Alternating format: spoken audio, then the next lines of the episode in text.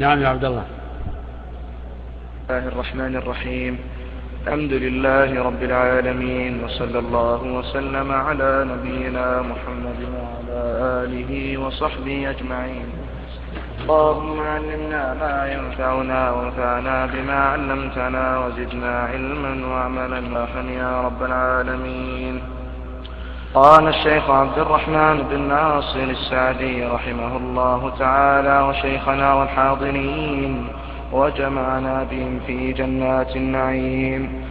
فدخل في توحيد الربوبية إثبات القضاء والقدر وأنه ما شاء الله كان وما لم يشأ لم يكن وأنه على كل شيء قدير. وأنه الغني الحميد وما سواه فقير إليه من كل وجه. ودخل في توحيد. الحمد لله وصلى الله وسلم وبارك على عبده ورسوله وعلى آله وصحبه. بهداه هذه إشارة. إشارة قصيرة. إلى أصل من أصول الإيمان وهو الإيمان بالقدر. الذي نص عليه الرسول صلى الله عليه وسلم في جوابه لجبريل حيث قال وتؤمن بالقدر خيره وشره. القدر هذا اللفظ يراد به يعني هو لفظ مصدر تارة يراد به المعنى المصدري أو أو اسم المصدر. قدر يعني بمعنى التقدير قدر يقدر تقديرا أو قدرا. تارة يراد به الشيء المقدر اسم مفعول. وهذا واضح.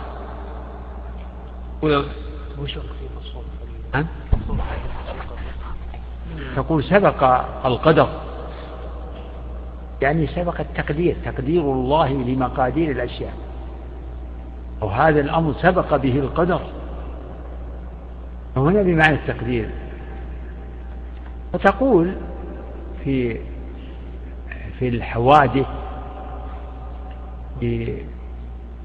ما يشاهد من المخلوقات تقول هذا قدر الله. أي هذا مقدر بتقدير الله هذا مقدر. هذا قدر. إذا حدث حادث يقول المسلم هذا قدر. أي هذا مقدر.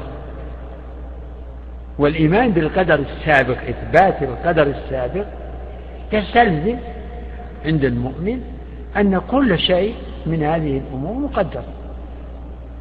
فالإيمان بالقدر معناها الإيمان بتقدير الله أنه تعالى قدر مقادير الخلق في سابق علمه بعلمه القديم. وقدرها في كتابه المبين.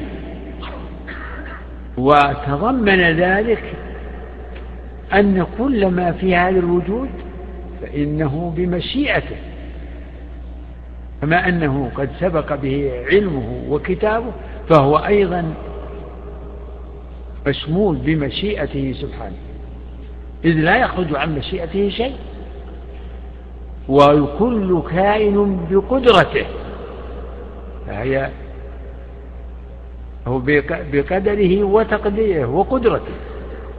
والكل خلقه. فالإيمان بالقدر يشمل هذه الأمور الأربعة ويسميها العلماء مراتب الإيمان بالقدر. الإيمان بعلم الله السابق بكل شيء. فقد علم ما يكون قبل أن يكون بعلمه القديم. علمه القديم الذي لا بداية له. فعلمه لم يكن حادثا بعد جهل. علمه أزلي بعلمه الأزلي.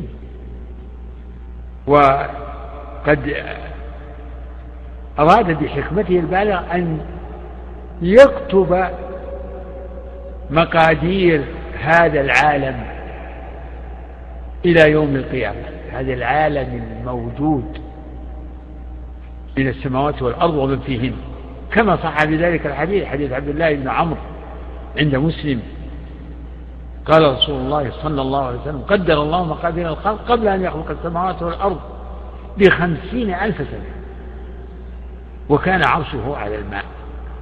فالعرش والماء كانا قبل كتابة مقادير هذا العالم. والأدلة على هذا الأصل من السنة هو حديث جبريل وما في معناه. وتؤمن بالقدر خيره وشره.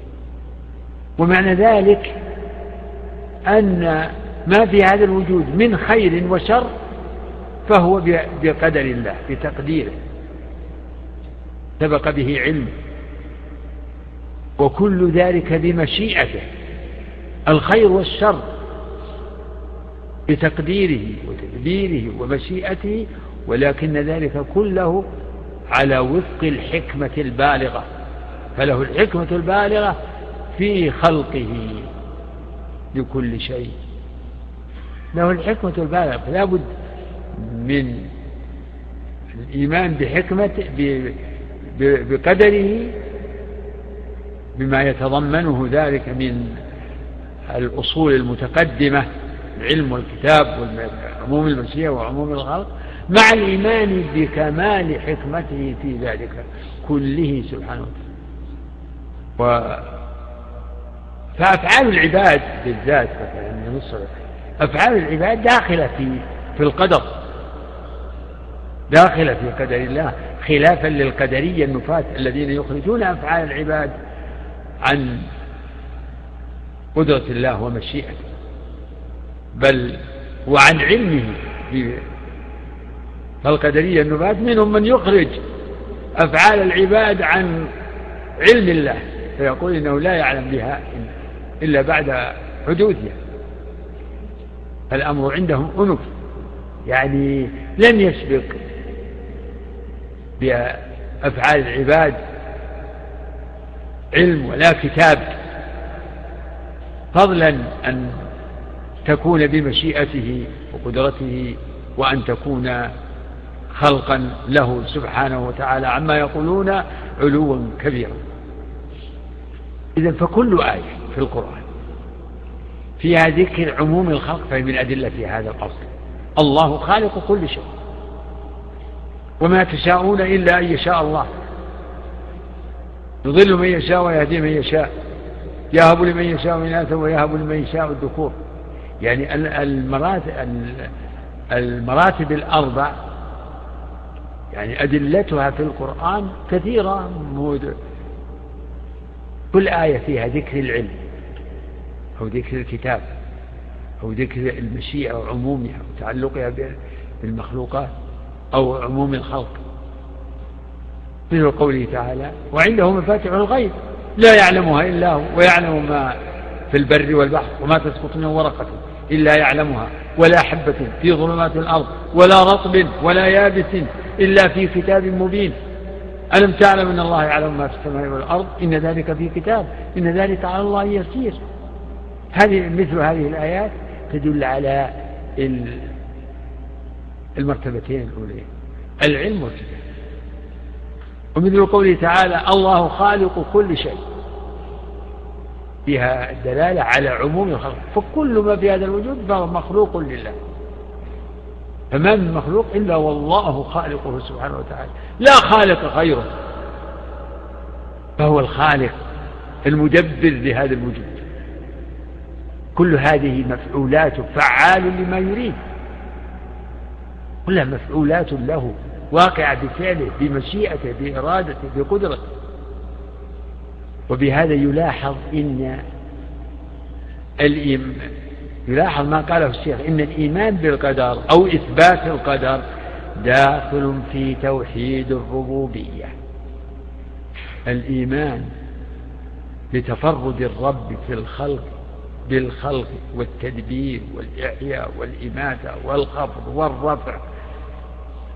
داخل في يدخل فيه الإيمان بالقدر. يعني هذه من معاني الربوبية.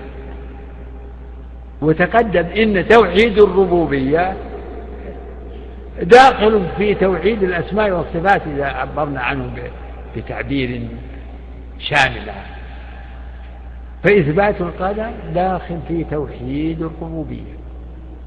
إذا هو داخل في الإيمان بالله. الإيمان بالله الأصل الأول من أصول الإيمان في جواب الرسول عليه الصلاة والسلام يتضمن أنواع التوحيد الثلاثة. ويدخل في ذلك الإيمان بالقدر. وأقول لعل هذا هو والله أعلم أن إثبات القدر أو ذكر القدر لم يأتي في الآيات التي ذكر الله فيها أصول الإيمان. فأصول الإيمان في الآيات التي نص الله عليها مجتمعة إنما ذكر الله فيها خمسة. قال تعالى ولكن البر من آمن بالله واليوم الآخر والملائكة والكتاب والنبيين. وفي الآية الأخرى ومن يكفر بالله وملائكته وكتبه ورسله واليوم الآخر فقد ضل ضلالا مبينا. فلم يذكر القدر لأنه داخل في الإيمان بالله. إيمان بالله يتضمن الإيمان بربوبية أنه رب كل شيء ومليكه وخالق كل شيء. وأن ما شاء كان وما لم يشاء لم يكن. إذا هذا هو الإيمان بالقدر.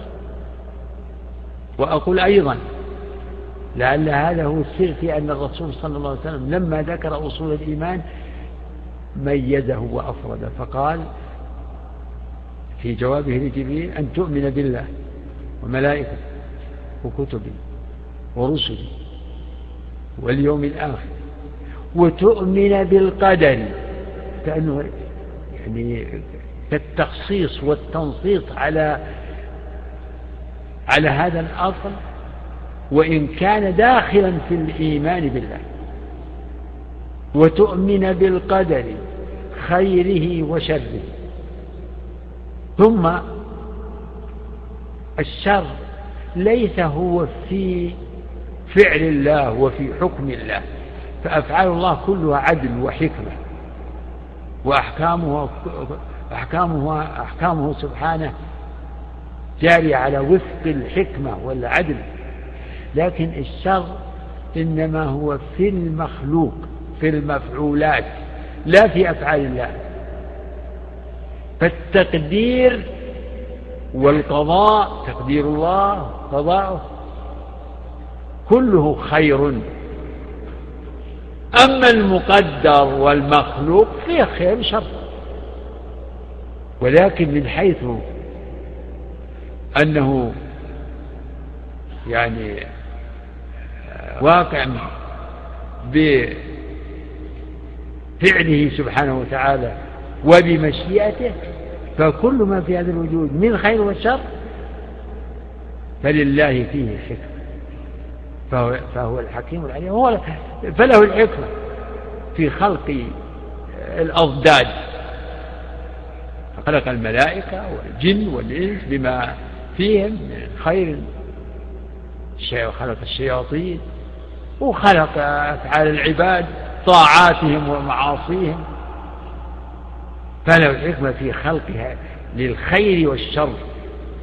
النفع والضر خلق المخلوقات النافعة من حيوانات ومطعومات ومشروبات وخلق أشياء أخرى مؤذية وضارة من حيوانات وغيرها. وله الحكمة البالغة في هذا كله فلا بد من الإيمان بأن الكل بقدر الله.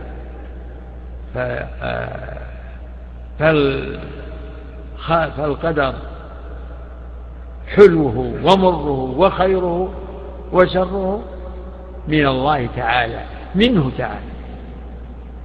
قل كل من عند الله الحسنات النعم والمصائب كلها من عند الله خلقا وتقديرا وتدبيرا. نعم. نعم يا عبد الله. ودخل في توحيد الأسماء والصفات إثبات جميع معاني إثبات جميع معاني الأسماء الحسنى لله تعالى. الواردة في الكتاب والسنة والإيمان بها ثلاث درجات إيمان بالأسماء وإيمان بالصفات وإيمان بإحكام صفاته كالعلم بأنه عليم ذو علم ويعلم كل شيء. قدير ذو قدرة ويقدر على كل شيء إلى آخر ما له من الأسماء المقدسة. يقول رحمه الله يدخل في توحيد الأسماء والصفات. إثبات كل ما وصف الله به نفسه أثبته لنفسه في كتابه وما أثبته له رسوله في ما صح عنه صلى الله عليه وسلم.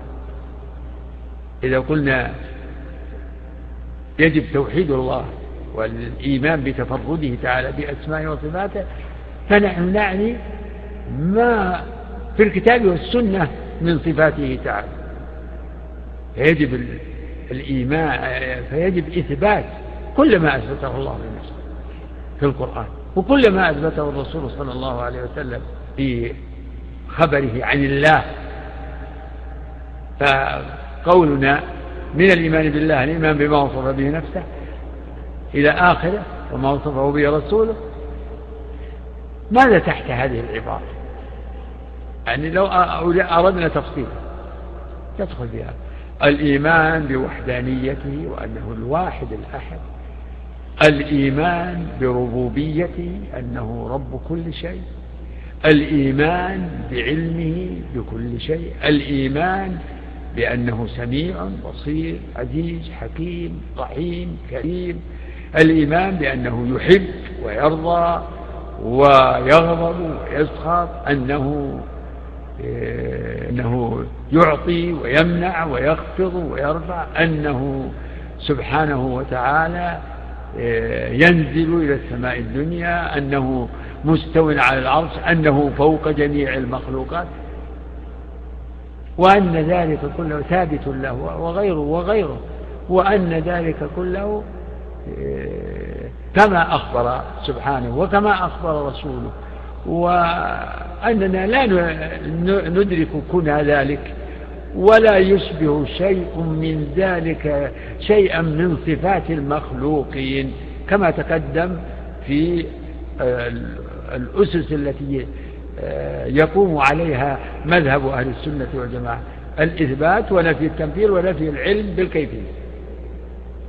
يقول الشيخ وهذا على ثلاث درجات أو على مراتب. إيمان بالاسم ثم الإيمان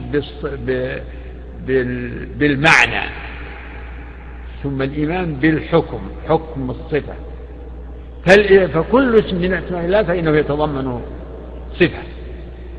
هذه قاعدة من قواعد باب الأسماء والصفات. كل اسم من أسماء الله يتضمن صفة وأهل الضلال وأهل البدع تنوعت مذاهبهم في هذا الباب. فمنهم من ينفي الأسماء والصفات كلها كالجميع. ومنهم من يثبت الأسماء وينفي معانيها المعتزلة. ولا بد من الإيمان بحكم الصفة وهو أثرها. فنقول إنه تعالى علي هذا فيه إثبات الاسم. وأنه ذو علم وهو إثبات الصفة. أنه عليم بعلم. سميع بسمع بصير ببصر قدير بقدرة. خلافا للمعتزلة الذين يقولون إنه سميع بصير بلا سمع ولا بصر. سبحانك هذا بهتان عظيم. عليم بلا علم. فيثبتون الأسم الأسماء دون ما تتضمنه من الصفات. وهذا من ضروب الإلحاد في أسماء الله. الإلحاد في أسماء الله أنواع. نفيها نفي معانيها. هذا كله من الإلحاد في أسماء الله. وذروا الذين يلحدون في أسمائه سيجزون ما كانوا يعملون. نقول عليم في هذا إثبات الاسم وهو ذو علم هذا في إثبات الصفات ونقول إنه يعلم يعلم أن علمه متعلق بالمخلوقات بالمعلومات. فعلمه ما هو بالمخلوقات بل علمه متعلق بالماضي والحاضر والمستقبل والموجود والمعدوم فقوله تعالى إن الله بكل شيء عليم هذه فيها شمولية مطلقة بلا حدود ولا تخصيص. ما هذا أعم العمومات. إن الله بكل شيء عليم. فيعلم ما كان؟ نعم. ويعلم ما يكون. وما لا يكون لو كان كيف يكون؟ واعتبر هذا في صفة السمع مثلا. الله سميع نعم. هذا فيه إثبات هذا الاسم. وهو ذو سمع. ولابد نعرف أنه سمع سمع معناه إدراك للأصوات. يعني بالمعنى المعقول المعلوم لغة وعرفا وعقلا. إنه ذو السمع كل صفة لها متعلق. فالسمع يتعلق بالأصوات. كما جاء في الأثر عن أم المؤمنين عائشة تقول سبحان من وسع سمعه الأصوات. ولا ثم نقول إنه يسمع. يثبت حكم. يسمع أقوال العباد. خيرها وشرها. قد سمع الله. شوف لاحظ إنه قد سمع الله. هذا فيه إثبات الحكم. قد سمع الله قول التي تجادلك في زوجها.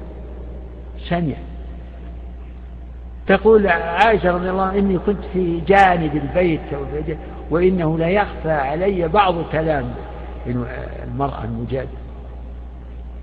قد سمع الله قول التي تجادلك في زوجها وتشتكي إلى الله والله يسمع تحاوركما.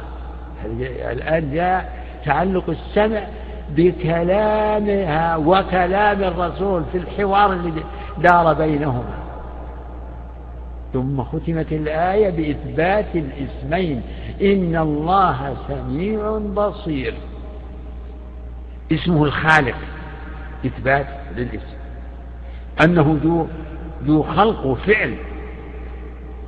من فمن أفعاله التي تكون بمشيئة الخلق. التقدير الخلق في القرآن أو في أسماء الله يطلق على معنيين على التقدير وعلى الإبداع الإنشاء. فالله هو الخالق وهو الخلاق بكل من المعنيين وهو خالق كل شيء. تقديرا وإيجادا. فهو الخالق وهو ذو الخلق وهو الذي يخلق. فالمخلوقات أثر أثر فعله وأثر فعل وفعله هو مقتضى أو مضمون اسمه الخلاق.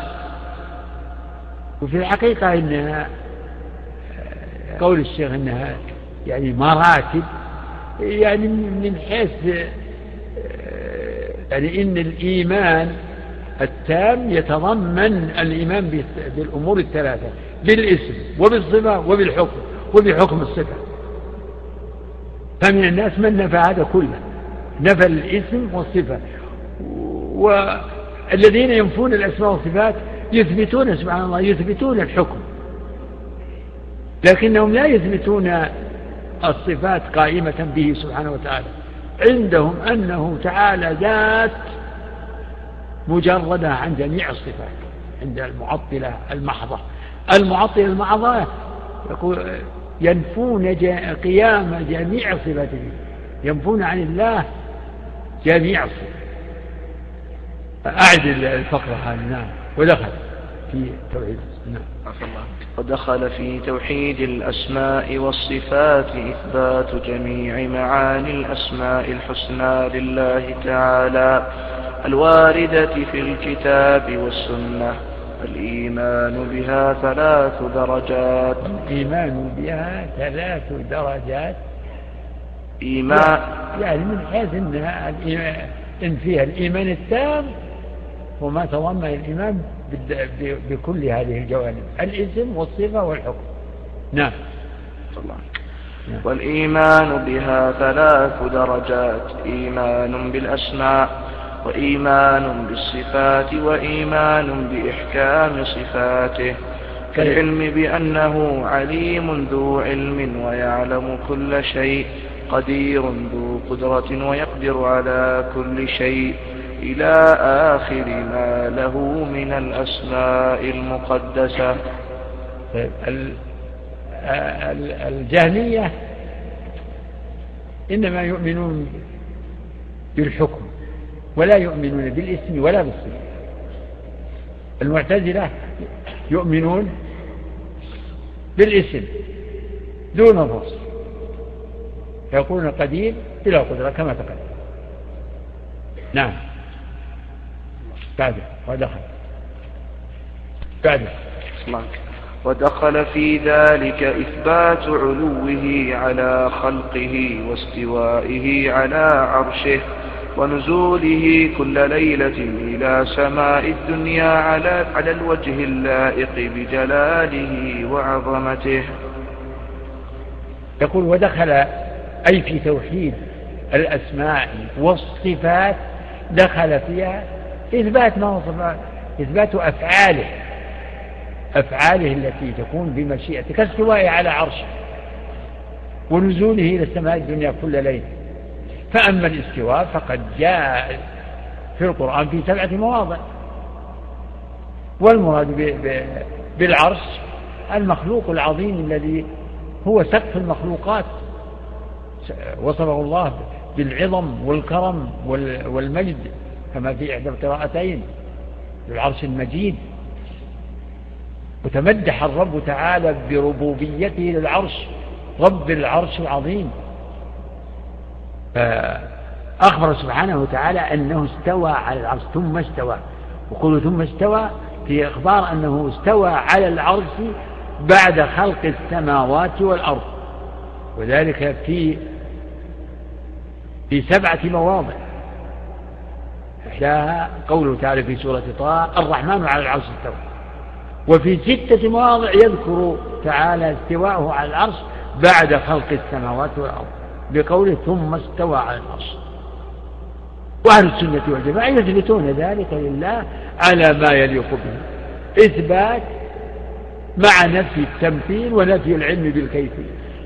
فيقولون الله تعالى مستو على العرش استواء يليق به. لا يماثل استواء المخلوق على المخلوق كاستواء الإنسان على الدابة وعلى آه، أي مركب من المراكب. فالمخلوق معتمد على ما هو مستو عليه مفتقر إليه. لو عثرت الدابة سقط من على ظهره. لو غرقت السفينة لو سقطت الطائرة هلك من فيه. أما الله تعالى فهو مستو على العرش مع كمال غناه عن العرش. هو الممسك للعرش وما دون العرش.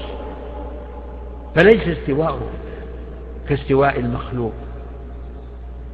ليس مفتقرا إليه ولا معتمدا عليه. ولا نعلم كنهه. لا يجوز أن يتخيل الإنسان آه، كيفية لاستوائه على عرشه. هذا لا سبيل إليه. الاستواء معلوم والكيف مسلوم. وقل مثل ذلك تماما في النزول فيدخل في إثبات الأسماء والصفات. إثبات ما أخبر به الرسول عليه الصلاة والسلام مثل النزول فالاستواء ثابت بالقرآن والسنة والنزول ثابت بالسنة الصحيحة المتواترة. فيجب الإيمان بأنه تعالى ينزل إلى السماء. كيف شاء؟ ينزل إلى السماء الدنيا إذا شاء كيف شاء. ولا نعقل لذلك كيفية. ولا ولا ولا يماثل نزوله نزول المخلوق من علو. إلى سفل لكن نعلم إن إنه نزول وأحاديث النزول هي من جملة أدلة العلو هي أدلة لإثبات النزول وفي نفس الوقت أدلة في إثبات علوه تعالى لأن النزول إنما يكون من علو فالشيخ رحمه الله أراد أن يبين أنه يدخل في ذلك ما وصف الله به نفسه في كتابه من أسمائه وصفاته ويدخل في ذلك كذلك ما أخبر الله به أو أخبر به رسوله من أفعاله التي تكون بمشيئته كاستوائه على عرشه ونزوله إلى السماء الدنيا ومجيئه آه، يوم القيامة كما دل على ذلك الكتاب والسنة. نعم. ودخل في ذلك إثبات الصفات ودخل في ذلك إثبات الصفات الذاتية التي لا ينفك عنها كالسمع والبصر والعلم والعلو ونحوها والصفات الفعلية وهي الصفات المتعلقة بمشيئته وقدرته كالكلام والخلق والرزق والرحمة والرحمة والاستواء على العرش والنزول إلى السماء الدنيا كما يشاء وأن جميعها تثبت لله من غير تمثيل ولا تعطيل وأنها كلها قائمة بذاته وهو موصوف بها وأنه تعالى لم يزل ولا يزال يقول ويفعل وأنه فعال لما يريد ويتكلم بما شاء إذا شاء كيف شاء. لم يزل بالكلام موصوفا وبالرحمة والإحسان معروفا. الشيخ يفصل يقول أيضا يدخل في توحيد الأسماء والصفات إثبات صفاته كلها الذاتية والفعلية. وهذه فيه الإشارة إلى تقسيم الصفات صفات الرب تعالى إلى صفات ذاتية وصفات فعلية. و ويدخل في ذلك الصفات الذاتية الفعلية. فصفات الله بها من حيث تعلقها بذات الرب وتعلقها ومن حيث تعلق المشيئة بها تنقسم إلى هذه. صفات ذاتية لازمة لذاته لا ينفك عنها ولا تتعلق بها المشيئة كحياته وعلمه وسمعه وبصره. فالله حي لم يزل حيا ولا يزال حيا قيوما وهو موصوف بالحياة أزلا وأبدا وبالعلم أزلا وأبدا وبالسمع أزلا وأبدا وبالبصر أزلا وأبدا وبالعزة أزلا وأبدا. صفات ذاتية النوع الثاني الصفات الفعلية وهي التي تتعلق بها المشيئة كالاستواء. تقول إن استوى على العرش حين شاء ينزل إلى السماء الدنيا حين شاء. حين يشاء سبحانه وتعالى. يجيء يوم القيامة إذا شاء. يغضب إذا شاء ويرضى إذا شاء. يحب من شاء إذا شاء ويبغض من شاء إذا شاء. هذه كلها صفات فعلية. والصفات الذاتية الفعلية مثل الكلام. فأنت تقول إن الله موصوف بالكلام أزلا وأبدا بمعنى أنه لم يزل يتكلم إذا شاء بما شاء وكيف شاء لم يزل. يعني لم يكن غير قادر على الكلام ثم صار متكلم كان غير متكلم ثم صار متكلما كما تقول ذلك بعض الطوائف كالكرامية. فهو من وجه صفة ذاتية ومن وجه صفة فعلية. فهو باعتبار أنه لم يزل متكلما إذا شاء بما شاء ولا يزال هو صفة ذاتية. ومن جهة أن آحاد آحاد الكلام يكون بمشيئته مثل ندائه للأبوين وناداهما ربهما أنا بمشيئته ونداؤه لموسى وخطابه للملائكة في آيات كثيرة وإذ قال ربك للملائكة وإذ قلنا للملائكة كل آحاد الكلام بمشيئته. وخطابه للملائكة وخطابه وتفصيل هذا كثير في القرآن وفي السنة وتكليمه للناس يوم القيامة للرسل وللمؤمنين وللمشركين ويوم يناديهم فيقول أين شركاؤكم الذين كنتم تزعمون؟ يوم يجمع الله الرسل فيقول ماذا أجبتم؟ قالوا لا علم لنا إلا ما علمتنا. كل هذا بمشيئة فهي صفة ذاتية فعلية. وكذلك الرحمة من وجه ذاتية فإنه لم يزل سبحانه وتعالى موصوفا بالرحمة. لم يزل رحمانا لم يزل رحيما. وهو يرحم من يشاء. يرحم من يشاء. كما صرح بذلك. ربكم أعلم بكم. إن يشاء يرحمكم وإن يشاء يعذبكم ويرحم من يشاء. إذا الرحمة صفة ذاتية فعلية. الكلام صفة ذاتية فعلية. وكلها يقول الشيخ وكلها قائمة به تعالى. صفاته قائمة به. ليست أشياء مباينة لذاته. حياته صفاته الذاتية لازمة لذاته. صفاته الفعلية قائمة به. الفعل هل يقوم الفعل بغير الفاعل؟ لا. الفعل بالمعنى المصدري لأن كلمة الفعل تطلق ويراد بها المعنى المصدري فعل يفعل فعلا وتطلق على المفعول. فالفعل بالمعنى المصدري إنما يقوم بالفاعل لا يقوم بغيره. والكلام إنما يقوم بالمتكلم. لا كما سيقول المبطلون إن في باب كلام الله إن الله لا يتكلم. الجهمية والمعتزلة يقول إن الله لا يتكلم أي لا يقوم به كلام. ولهذا ألجأهم هذا الأصل الباطل إلى أن يقولوا إن كلام الله مخلوق القرآن مخلوق. الله خلق كلاما في الشجرة سمعه موسى. ومع ذلك يقولون كلام الله. القرآن كلام الله هم يقولون كلام الله. لكن لا بالمفهوم الذي المعقول ولا بالمفهوم الذي دل عليه الشرع. عن الله. ولهذا الشيخ ينبه إلى أن كل هذه الصفات الذاتية والفعلية أو, أو الذاتية الفعلية كلها كلها قائمة قائمة بالرب سبحانه قائمة به يتكلم ويسمع كلامه من شاء يسمع كلامه من شاء. إن الله إذا أحب عبدا نادى جبريل يقول يا جبريل إني أحب فلانا فأحبه فيحبه جبريل.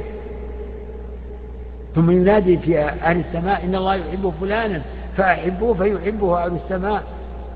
ثم يوضع له القبول في الأرض. كلامه ونداؤه وكلامه يكون نداء ونجاء مناجاة نادى موسى ونجا وناديناه من جانب الطول الأيمن وقربناه نجيا. فالله كلم موسى تكليما. كلمه بصوت؟ نعم بصوت. ناجاه يعني كلمه كلام يعني خفي. لا كلمه نداء. ناديناه من جانب الطور الأيمن. سمع صوت ربه منه. نعم بعد يا حبيب. نعم. ودخل في ذلك الإيمان بأن القرآن كلام الله منزل غير مخلوق. منه بدأ وإليه يعود وأنه المتكلم به حقا وأن كلامه لا ينفذ ولا يبيد.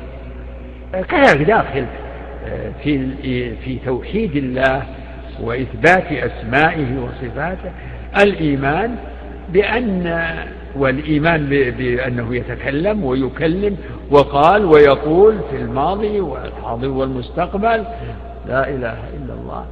يدخل في ذلك الإيمان بأن القرآن كلام الله منزل غير مخلوق. منه بدأ وإليه يعود.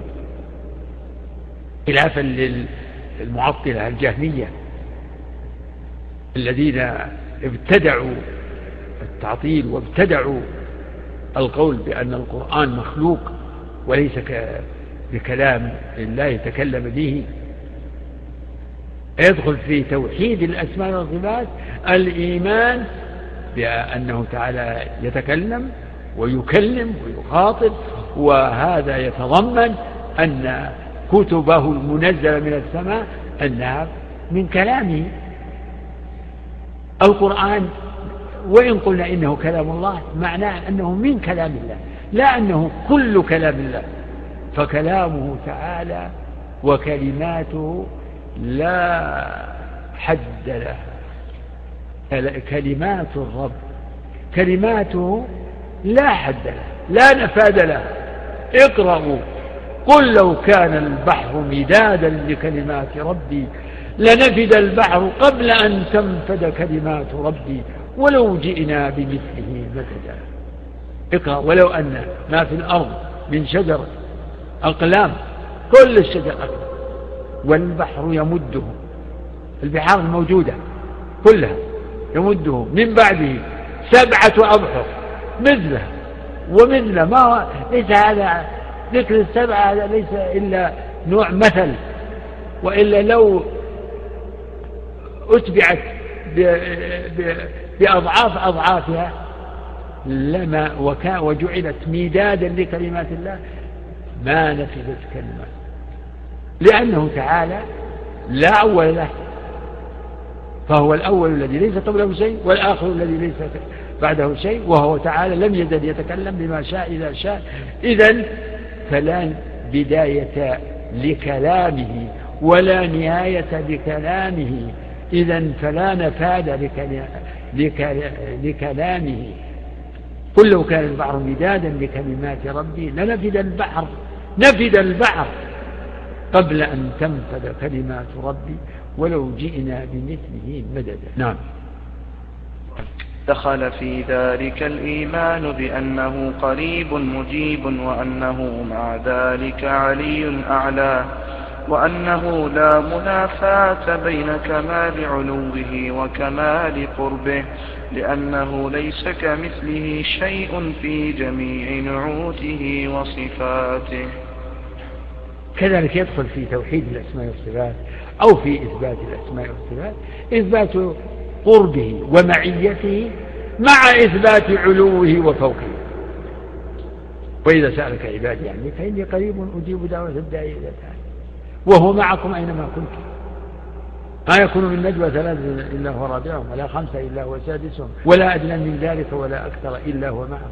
فيدخل في توحيد الأسماء والصفات وفي باب الأسماء والصفات يدخل في ذلك إثبات القرب والمعية.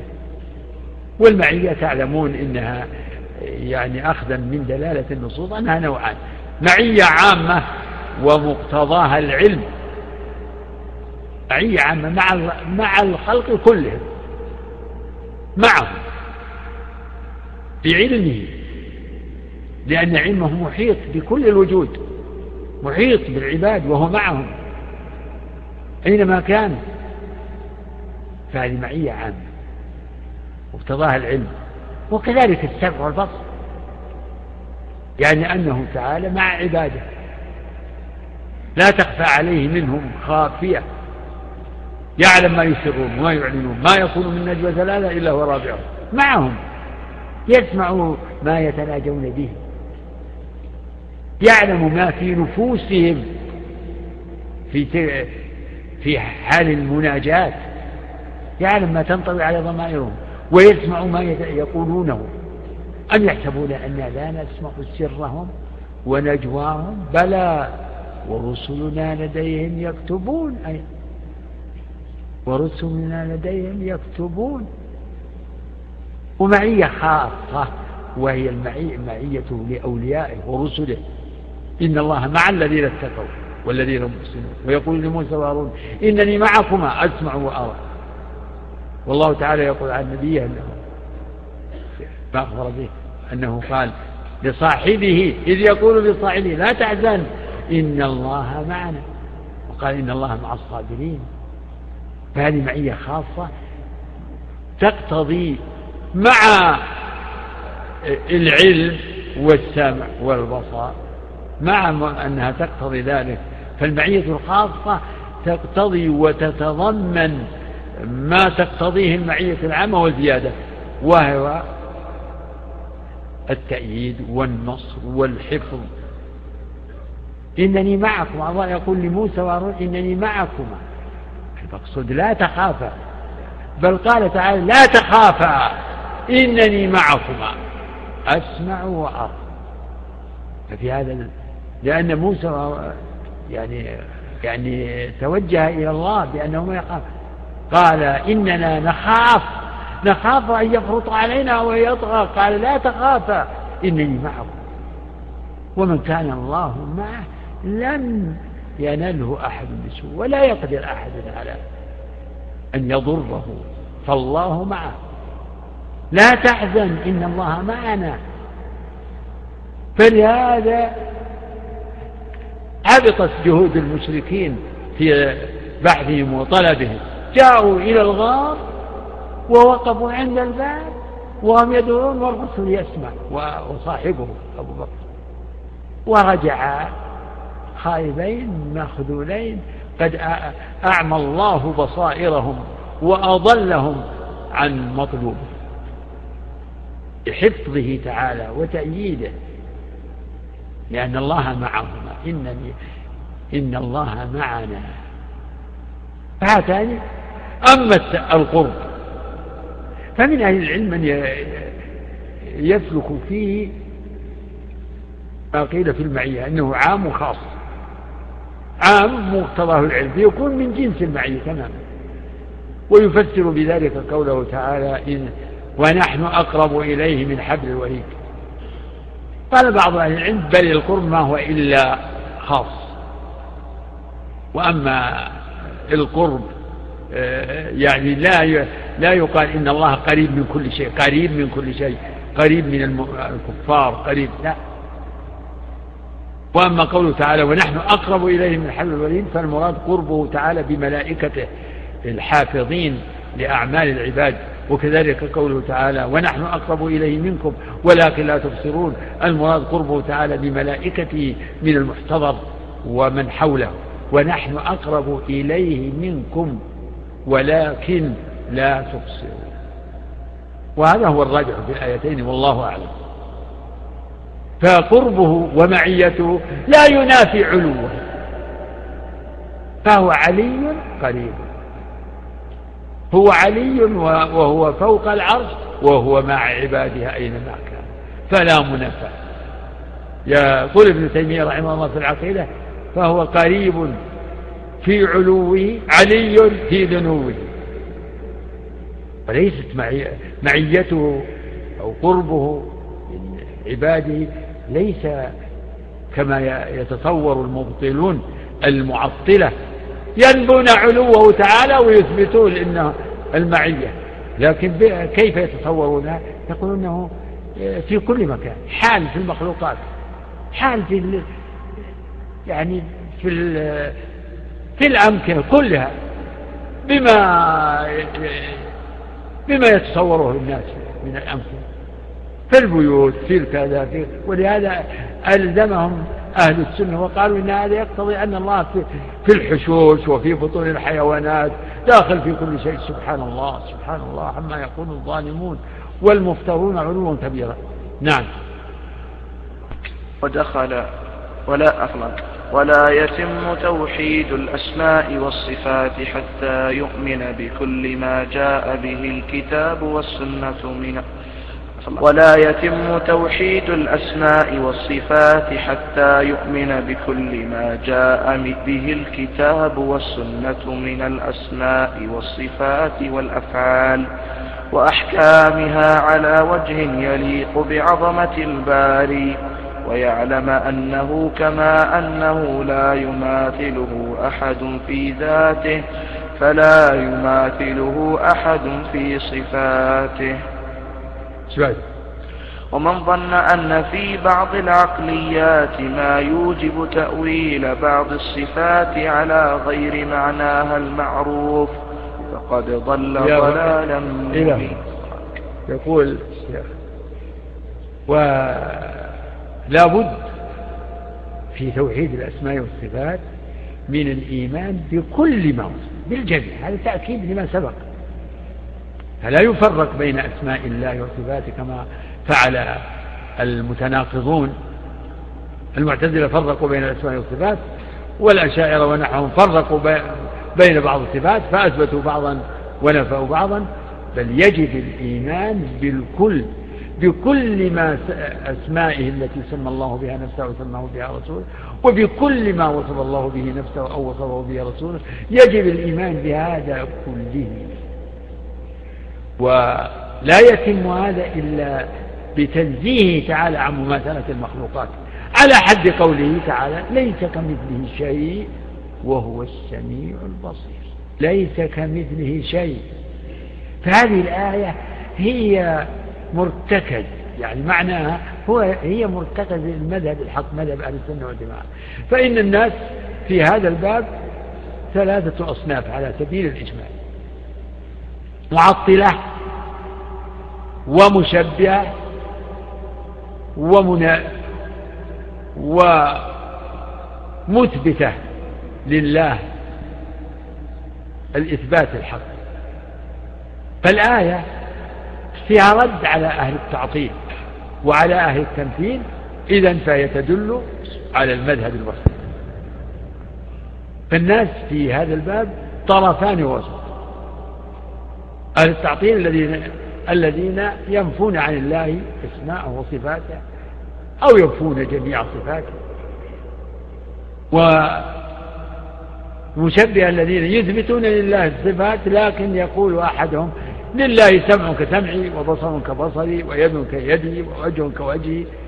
فيثبت الصفات لكن يجعلها مثل صفات المخلوق. والمشبه هل أثبت لله الصفات؟ هل أثبت لله صفاته؟ لا. فأهل التعطيل غلوا في التنزيه.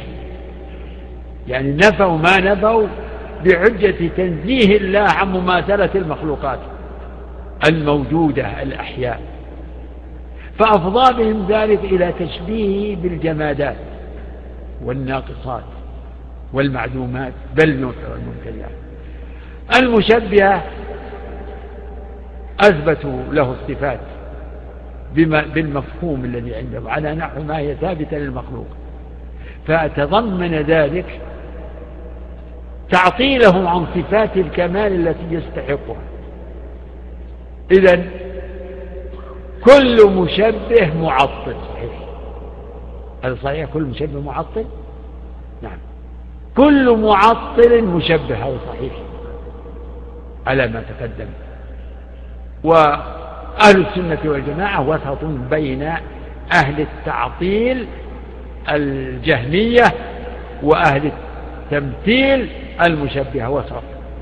أثبتوا لله كل ما أثبته لنفسه وأثبته له رسوله. ونزهه عن مماثلة المخلوقات وعن كل نقص وعيب إثباتا بلا تشبيه وتنزيها بلا تعطيل. على حد قوله تعالى ليس كمثله شيء.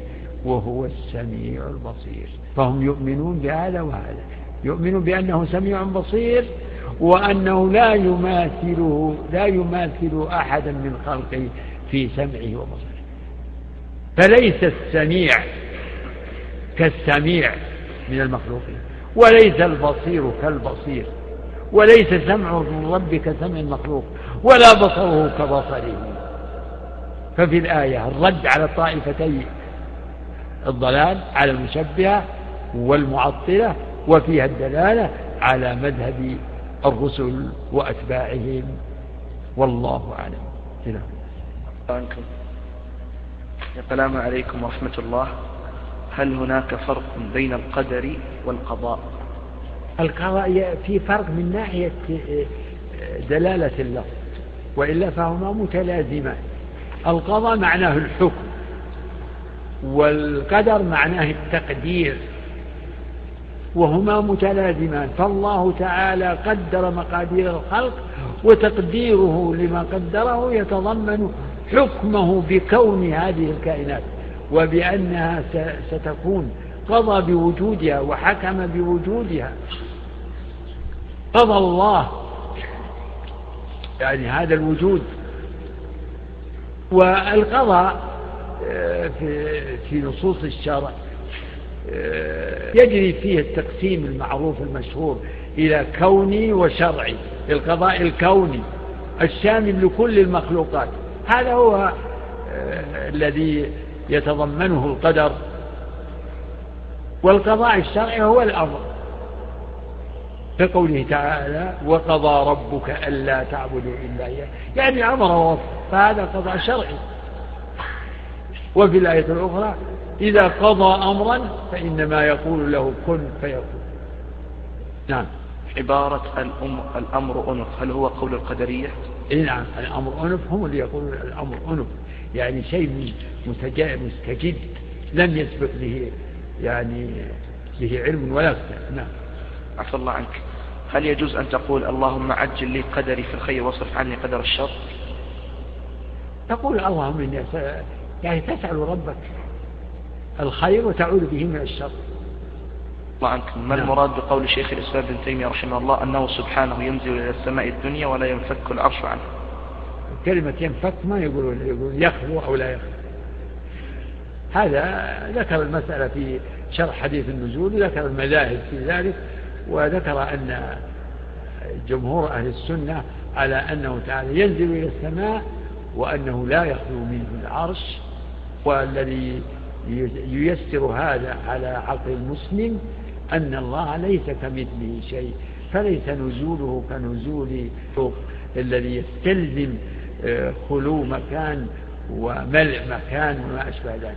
فهو ينزل كيف شاء. نعم.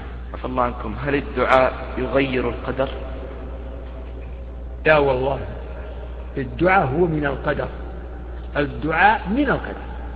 لكن الأقدار التي سبق بها علم الله وكتابه منه ما هو مرتب على سبب ولا يوجد إلا بهذا السبب. وإذا سبق العلم بالسبب والمسبب فلا بد من وجودهما.